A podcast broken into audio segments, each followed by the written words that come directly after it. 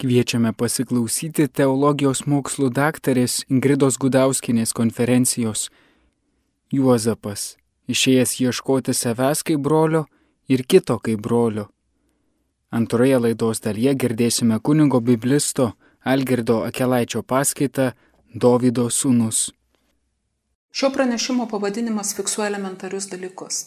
Pirma, brolybė yra toks stiprus žmogaus troškimas, kad nepaisant situacijos sudėtingumo, jis įgalina žmogų angažuotis tam tikram judesiui.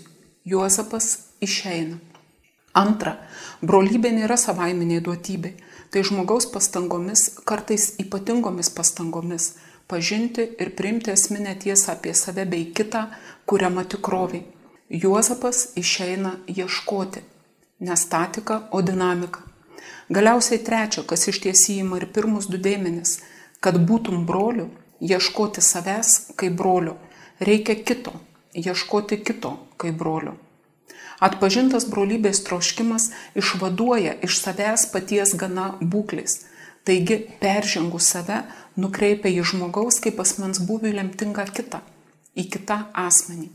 Pasakojimas apie Juozapą ir jo brolius pradžios knygoje yra ne tik didžiulis tekstinis vienetas, bet ir, kas iš ties svarbu, penkiaknygės makro struktūroje jis užima išskirtinę vietą.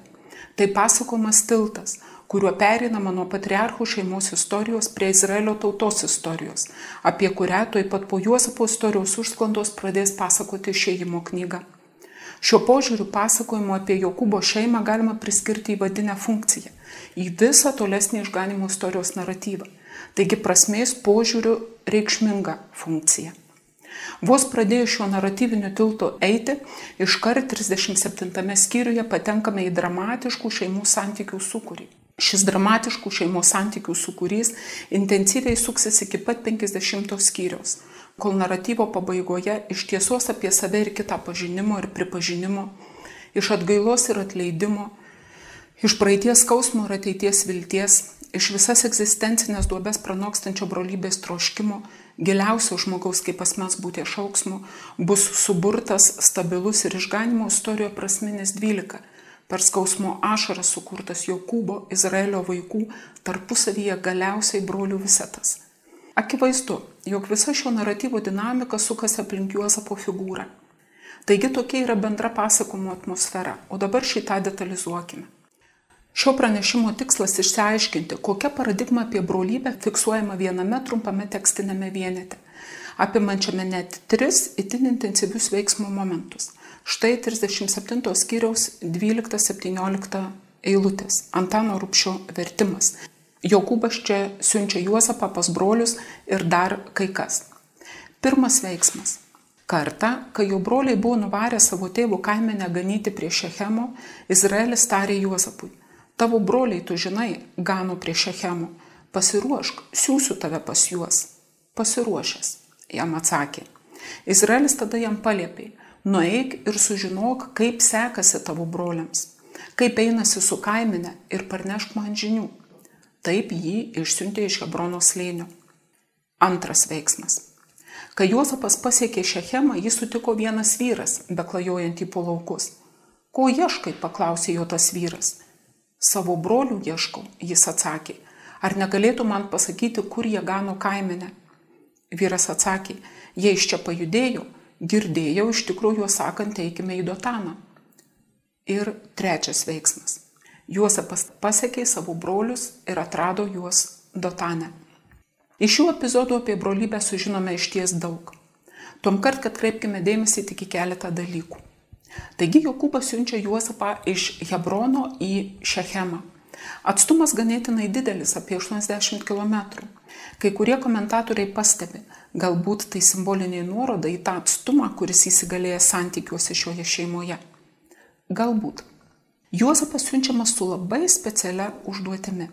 Nueik ir sužinok, kaip sekasi tavo broliams, kaip einasi su kaimenė ir parnešk man žinių. Įsiklausykime į pažodinį šio sakinio skambesį. Čia figuruoja žodis šalom, reiškintis ramybę, taiką, gėrį, gerovę ir panašiai. Eik, nagi, pamatyk šalom savo brolių ir šalom jų kaimenės ir parnešk man žodį. Tad Jokūbas siunčia Juozapą, primiktinai siunčia, eik, prašau, nagi, eik, pamatyk savo brolių šalom. Ir galima nuspėti, parnešk šalom žodį, žinę tėvui apie brolius. Stebėtina, kad šioje vietoje Jokūbas nesako, eik ir pamatyk mano sūnų šalom, bet savo brolių šalom. Regis Jokūbas iš ties susirūpinę savo sūnų brolybę. Jo ir Juozapo dialogas čia iš ties ir prasideda klausimu. Argi ne tavo broliai ganantys Šecheme? Frazė hebrajų kalboje regis nepalieka bejonės, tai iš ties yra klausimas, iškart taikantis į reikalo esmę. Argi jie nėra tavo broliai? Kas čia vyksta? Kasgi neramina Jokūbą? Šitą galime suprasti iš ankstesnio konteksto. 37 skyriaus antroje eilutėje, taigi šiek tiek anksčiau, sakoma, Juozapas, būdamas 17 metų, ganės su broliais avių kaimenė. Jis tėvui papasakojo apie jų blogus darbus. Pažodžiui maždaug taip. Juozapas atnešė blogą garsą, triukšmą apie juos jų tėvui. Pasakotojas labai atidus. Jis nesako, kad broliai daro kažką blogo ar kad apie juos sklando blogi gandai. Tekstas kalba apie Juozapą kaip apie nebrolišką informatorių. Taip pradeda žieptis konfliktas. Tačiau yra dar kai kas. Trečioje eilutėje skaitome.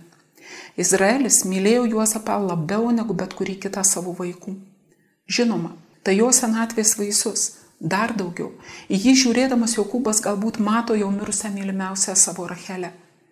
Kiti sūnūs be abejo negalėjo nepastebėti šio tėvų teikiamo pirmenybiškumo vienam. Tai atskyrė Juozapą nuo kitų brolių. Jis išskirtinis.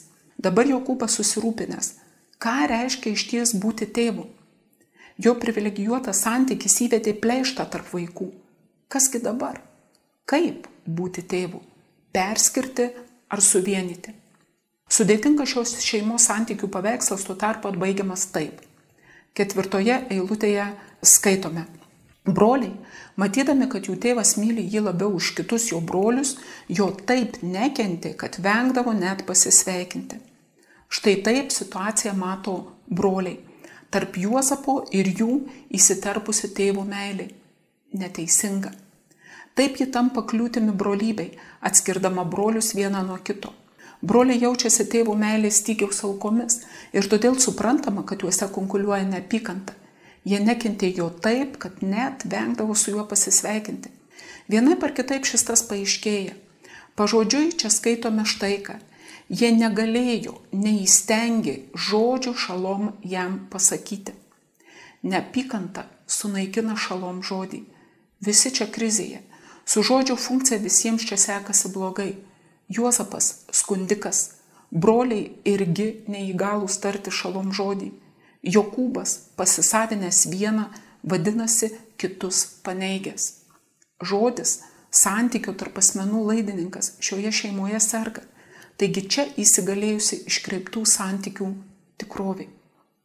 Ir šioje vietoje jau galime formuluoti pirmą išvadą. Reikia išeiti ieškoti brolių šalom. Išeiti ieškoti savęs kaip brolio ir kito kaip brolio. Santykių duobė nėra definityvi būklė, o fundamentalus žmogaus kaip asmens poreikis bendrystės net ir pačioje giliausioje duobėje įgalina jį žvilgsniui ir judesiui verštis anapus duobės būklės. Dabar grįžkime prie tiesiogiai mums rūpimo teksto. Kaip matėme, Jokūbas siunčia Juozapą. Eik, prašau, nagi, eik, pamatyk savo brolių šalom ir jų kaimenės šalom, parnešk man tą šalom žodį apie jūsų brolybę. Tėvo svajonė. Net ir varžoma savo žmogiško ribotumo, jis ima įžvelgti esmingiausią. Jokūbas įsitaiso nuostatoje. Eik, palik mane, palik namus, eik, nagi, eik ieškoti brolių šalom tai Jokūbo drąsa atitolinti nuo savęs šį pirmenybinį sūnų. Tai paneigimas kito gviešimosi savo tendencijos. Kaip toks, tai paneigimas kito naikinimo taktikos. Vadinasi, tai paneigimas ir asmenų bendrystės naikinimo taktikos. Tačiau, ar Juozapas atsitolina? Kada atsitolina? Taigi kada, kaip ir jis paneigia antišalom būklę. Kad suprastume, pirmiausia reikia atkreipti dėmesį į vieną žodį šiame tekste - į veiksmažodį halak. Jo reikšmė eiti, nueiti, kontekstualiai jo nusakoma atsitolinimo idėja. Šį žodį šiuose eilutėse sutinkame net penkis kartus. Vadinasi, greičiausiai čia jau galime kalbėti apie specifinį motyvą šiame epizode. Pirmiausia, halak - išeina broliai iš Šechemą. Atsitolina nuo teisingos tėvų meilės ir jo pirmenybinio kasgi jiems beliko. Po to Jokūbas Juozapui šį žodį pakartoja net du kartus - eik, siūsiu tave pas juos. Ir čia pat vėl - eik, nagi, pamatyti savo brolių šalom. Tai primiktinis tėvų atsitolink, verškis iš santykių duobės paskui brolybės troškimą. Tačiau apie Juozapą iškart nesakoma, kad jis halak. Tekstas toks. Kai Juozapas pasiekė Šechemą, jį sutiko vienas vyras beklajojantį po laukus. Pasiekė, tai ne halak, bet bo. Kitas žodis, reiškintis ateiti, atvykti, priartėti, tai atvirkštinė halak perspektyva. Juozapas regis iškart paklūsta Jokūbo paliepimui atsitolink. Jo atsakymas itin lakoniškas, bet pernelyg spontaniškas. Štai aš, Pasakotojas šioje vietoje primiktinai nori prikaustyti mūsų dėmesį prie tekstų, kuris 14 eilutėje sako štai ką. Ir išsiuntė jį iš slėnio Hebrono ir atėjo iš Šechemą. Išsiuntė aišku kas - Jokūbas, o kas atėjo. Iš konteksto linijiškai suprantame, atėjo Juozapas. Tačiau tekstas to neįvardyja. Ir tekstas sukonstruotas taip, kad išsiuntė ir atėjo veiksnys gramatiškai iš ties gali būti tas pats. Ir išsiuntė jį ir atėjo. Turime tokią sakinio sandarą, kad dviejų veiksmų subjektas gali būti tas pats - Jokūbas. Jokūbas išsiuntė ir jis egzistenciškai iš ties ateina į Šechemą, nes jis jau veržiasi iš santykių duobės ir jau pradeda ieškoti savo vaikų šalom. O Juozapas Juozapas kaip veiksnys tarsi tyčia praleidžiamas, suspenduojamas. Juozapo kaip laisvo subjekto, išsiveržiančio iš santykių duobės paskui brolybės troškimą dar nėra. Kol kas yra tik Jokūbo svajonė. Juozapas kol kas išeina paskui savo tėvo norą, bet ne paskui savo paties svajonę apie brolių šalom. Jis tėvo paleistas iš brolybę naikinusių privilegijos pirmenybiškumo spastų, bet jis dar nelaisvas dar nežengęs pats žingsnio, kaip laisvas asmuo. Pasakotojas tai tuoj pat užfiksuoja sakydamas, jį sutiko vienas vyras, beklajojantį po laukus. Juozapas brolybės paieškose, bet vis dar dreifuoja klaidžiodamas, eiti ar ne, paskui savo brolybės troškimą, ne paskui savo tėvų teisingų troškimų projekciją, o paskui didžiąją savo paties kaip asmens svajonę. Štai tekstas. Kai Juozapas pasiekė Šechemą, jį sutiko vienas vyras klajojantį po laukus. Ko ieškai? paklausė tas vyras. Savo brolių ieškau, jis atsakė. Ar negalėtų man pasakyti, kur jie gano kaimenę? Vyras atsakė, jie iš čia pajudėjo, girdėjau iš tikrųjų sakant, eikime į Dotaną. Taigi Juozapas vienas, pasimetęs, praradęs savo susikonstruotos ar kitų primestos iškreiptos tapatybės atskaitos taškus. Taigi Juozapas suranda vienas vyras ir klausia, ko ieškai, ko ieškosi. Vartojama tokia veiksma žodinė forma, kuri nusako veiksmą, kuris tęsiasi. Dabartis ir ateitis viename. Ieškai, ieškosi. Klausdamas Juozapą apie jo troškimus, taigi nukreipdamas jį į save patį, šis vyras įkviečia išreikšti tai, ko nori jis pats. Kaip tik tai Juozapas ir daro, atsakydamas, savo brolių aš ieškau. Juozapas atsako, kad jo troškimas yra nukreiptas į asmenis, į brolius. Ir čia nuostabu. Pirmą kartą naratyve pasirodo įvardis aš, Juozapo aš kad suformuluotų savo, pabrėžiu, savo troškimą. Juozapas pirmą kartą įvardė save kaip subjektą - aš. Kad gimtų santykis, neužtenka kito, reikia ir aš. Žinoma, jo aspiracijos, Juozapo aspiracijos sutampa su Jokūbu, bet čia tariamos pirmą kartą autonomiškai, be santykio į tėvą. Čia Juozapas išreiškia savo troškimą, savo ieškojimą, kuris jį lydės per visą istoriją. Taigi, kad ateitų šį tašką, Juozapas turės peržengti Jokūbo troškimą, turės atlikti halak, atsitolinimo nuo tėvo judesi ir eiti paskui savoją brolybės svajonę. Žiūrėkime vėl į tekstą. Juozapas sutiktojo prašo pagalbos. Savo brolių ieškau. Ar negalėtų man pasakyti, kur jie gano kaimenę? Kaip galėtų nepažįstamasis žinoti, kur jo broliai? Tėvas Juozapui sakė, kad jo broliai gano Šecheme, bet pasirodo, kur tėvas sakė, ten jų nėra. Šis klausimas realiai išduoda Juozapo norą sužinoti, kur yra jo broliai. Jo troškimas juos surasti, surasti brolių šalom, iš ties perlipa per Jokūbo troškimą. Tai jau jo asmeninis troškimas.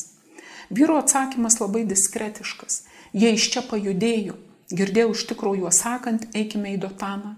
Jis atsako taip, kad padrasina toliau išlikti tame kelyje, kuriame Juozapą jau pradeda valdyti troškimas surasti brolius. Taigi Juozapas taip tampa savo paties sprendimo šeimininku. Tokiu būdu išsipildo du kartus anksčiau duotas Izraelio Jokūbo nurodymas - eiti halak pas savo brolius. Žinoma, Juozapo pasirinkimas realizuoja Jokūbo troškimą, tačiau dabar Juozapas pradeda įgyvendinti savo projektą.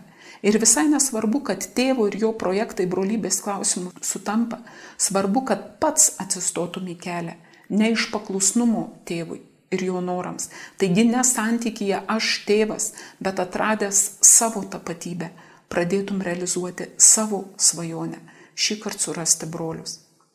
Taigi mestis į santykių trajektoriją kaip asmenį, kaip nepriklausomam subjektui, to kaina rizika. Juozapas klaidžiojo. To kaina nežinia, netikėtumas. Juozapas išėjęs ieškoti savęs kaip brolio ir kito kaip brolio. Mūsų maldas išgirsti.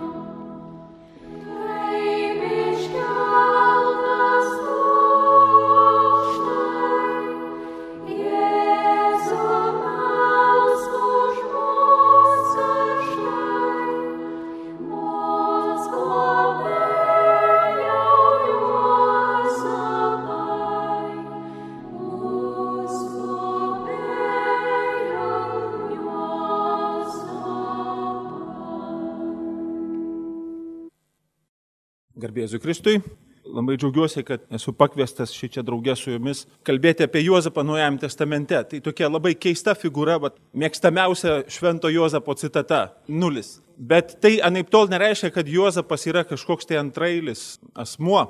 Ir vat, aš pasirinkau tokią temą, kuri gal irgi ne, ne visai prasta, kalbėti apie Juozapą kaip Davido sūnų. Pradėkim nuo Davido, tiems, kas galbūt nesat, taip sakant, keurai išlandžęs švento rašto, nieks nesam trupučiuką apie Dovydą. Dovydas yra ypatinga Senojo testamento figūra ir, kaip bebūtų įdomu, jinai ypatinga ir Naujajame testamente. Dovydas yra pirmasis Senojo testamento asmuo paminėtas Naujajame testamente, penktas, man atrodo, ar ketvirtas žodis Naujajame testamente yra Dovydas. Bet jis draugiai yra ir paskutinis Senojo testamento asmuo paminėtas Naujajame testamente, prieškimo knygoje 22 skyrių 16 eilutėje. Jėzus apie save sako, aš esu Davido šaknis ir palikonis. Ir tai yra paskutinis Senojo testamento asmuo paminėtas naujajame. Jeigu pasižiūrėtumėm trupučiuką į evangelistų pomėgius, kurie Senojo testamento asmenys jiems yra svarbiausi, tai pamatytumėm, kad Lukas dažniausiai minėlyje Morkus Abraomą, Jonas Moze, Matas būtent Dovydą. Mato Evangelijoje Dovydas yra ypatingai svarbus kaip asmuo, kaip tokia teologinė gyja. Ir, na, čia manau, kad nereikia būti ypatingų ten studijozų Biblijos, kad net ir iš Evangelijos mūsų skaitimo mes prisimintumėm, kad Davido sūnus yra ypatingas titulas priskiriamas Jėzui, dažniausiai gydimo įvykiuose. Jėzus yra vadinamas Davido sūnumi ir tai yra, toksai galėtumėm sakyti, liaudies nukaltas arba liaudies priskirtas titulas Jėzui kaip Kristui, kaip Mesijui. Šaknis šito titulo, aišku, yra garsiojoje Natano pranašystėje, kai Davidas sugalvoja, kad jisai statys šventyklą ir per pranašą Nataną viešpats jam sako, aš tau namus pastatysiu, tavo palikonis sėdės tavo sostė ir jo karalystė nebus galo.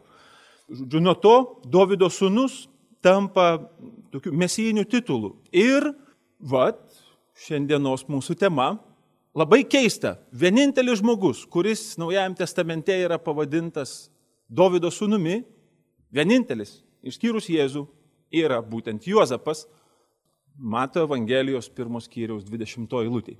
Pažiūrėkime, kas tai yra, kaip čia šitas titulas atsiskleidžia, nes dažniausiai biblistai interpretuoja šitą titulą kaip tokį funkcinį. Nes na, Jėzus, Dievo sūnus, Bet e, laiškė romiečiams Paulius, pirmos kiriaus trečiojo eilutėje, sako, pagal kūną jis yra iš Davido giminės. Kaip Dievo sūnus gali būti kūno iš Davido giminės? Na, vat, yra dvi pagrindinės versijos. Viena, kad per Juozapą, kita, kad per Mariją. Ne? Marija, todėl kad pagimdė ir galima taip skaityti Luko Evangelijos vaikystės pasakojimą, kad matytumėm, jog Marija yra iš Davido giminės. Arba, vat, mato Evangelijos pasakojimas, kai suprantama, kad Juozapas priemė, įsūnijo, priemė kaip savo vaiką Jėzų ir taip Jėzus tapo Davido sūnumi. Ar tikrai taip yra? Pasižiūrėkim. Biblistai jie tuo ir žavus, kad jie kelia klausimus. Mes su jumis pamėginsime labai atidžiai perskaityti keletą eilučių, tokį trumputį pasakojimą, netgi ne visą, tik tai jo pradžią, nuo Mato Evangelijos pirmos kyriaus 18 eilutės iki 20 eilutės pradžios. Štai pati pradžia skaitom, togi Jėzaus Kristaus gimimas šitaip buvo. Tai yra naratyvinė programa. Žodžiu, autorius labai dažnai Biblijoje mėgsta pačioj pradžioj pasakyti tai, kas nutiks pasakojimo pabaigoj. Tikslas tokios naratyvinės programos yra sutelkti skaitytojo dėmesį iki tol, kol tas įvykis įvyks. Viena garsi labai naratyvinė programa Biblijoje yra Dievo ištarmė Edeno sode, pasakant, nevalgyk nuo šito medžio, nes jeigu valgysi, mirte numirsi. Atidžiam skaitytojui šitoje vietoje viskas aišku, žmogus mirs. Įdomiausia tik tai kaip. Tai, tai klausimas ir mums, ne? Visi mirsim, taip? Įdomiausias klausimas kaip. Čia į šitai mes pasižiūrėsim. Jeigu į sceną įnešamas šautuvas, jisai turės iššauti, lygiai taip pat čia. Jeigu pasako autorius, kad Jėzaus gimimas buvo šitaip, reiškia, Jėzus tikrai gims. Ir įdomiausias klausimas yra kaip.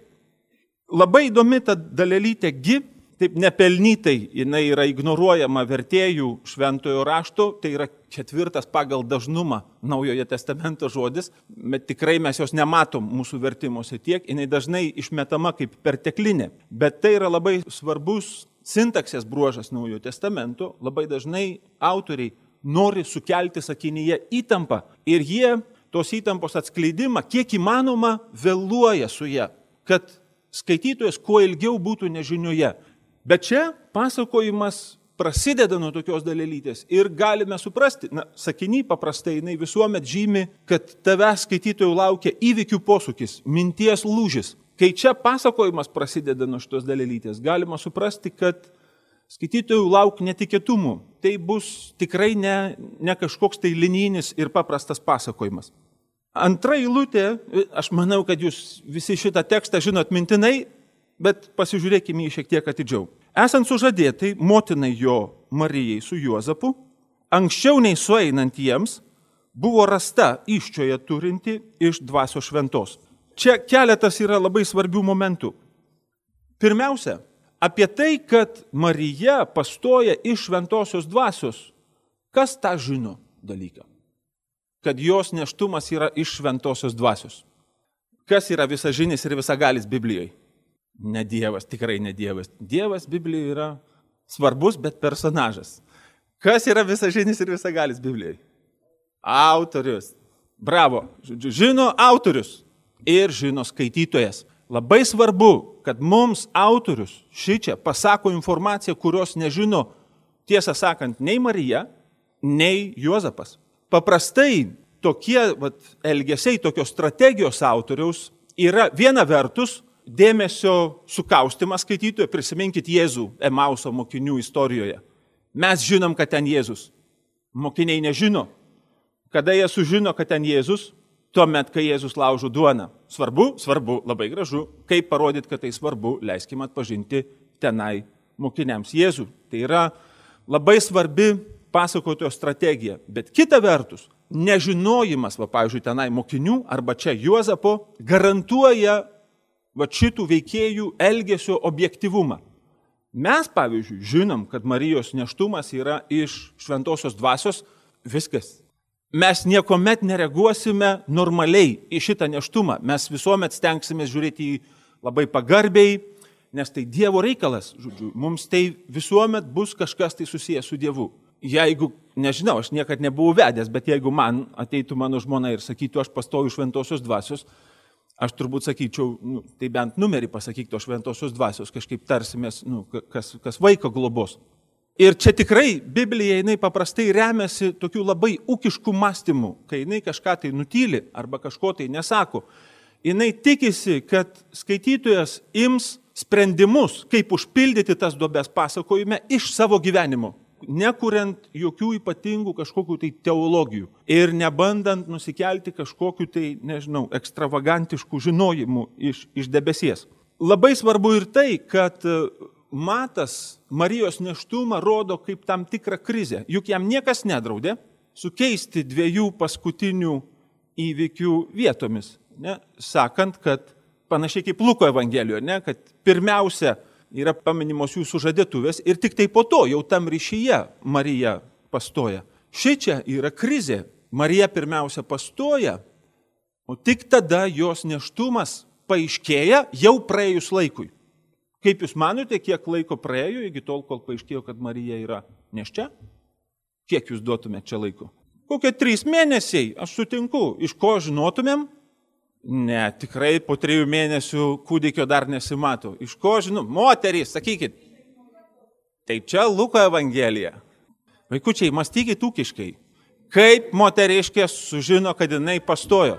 Taip, jei nutrūksta menstruacijos, dievuliau. Na va, labai svarbu.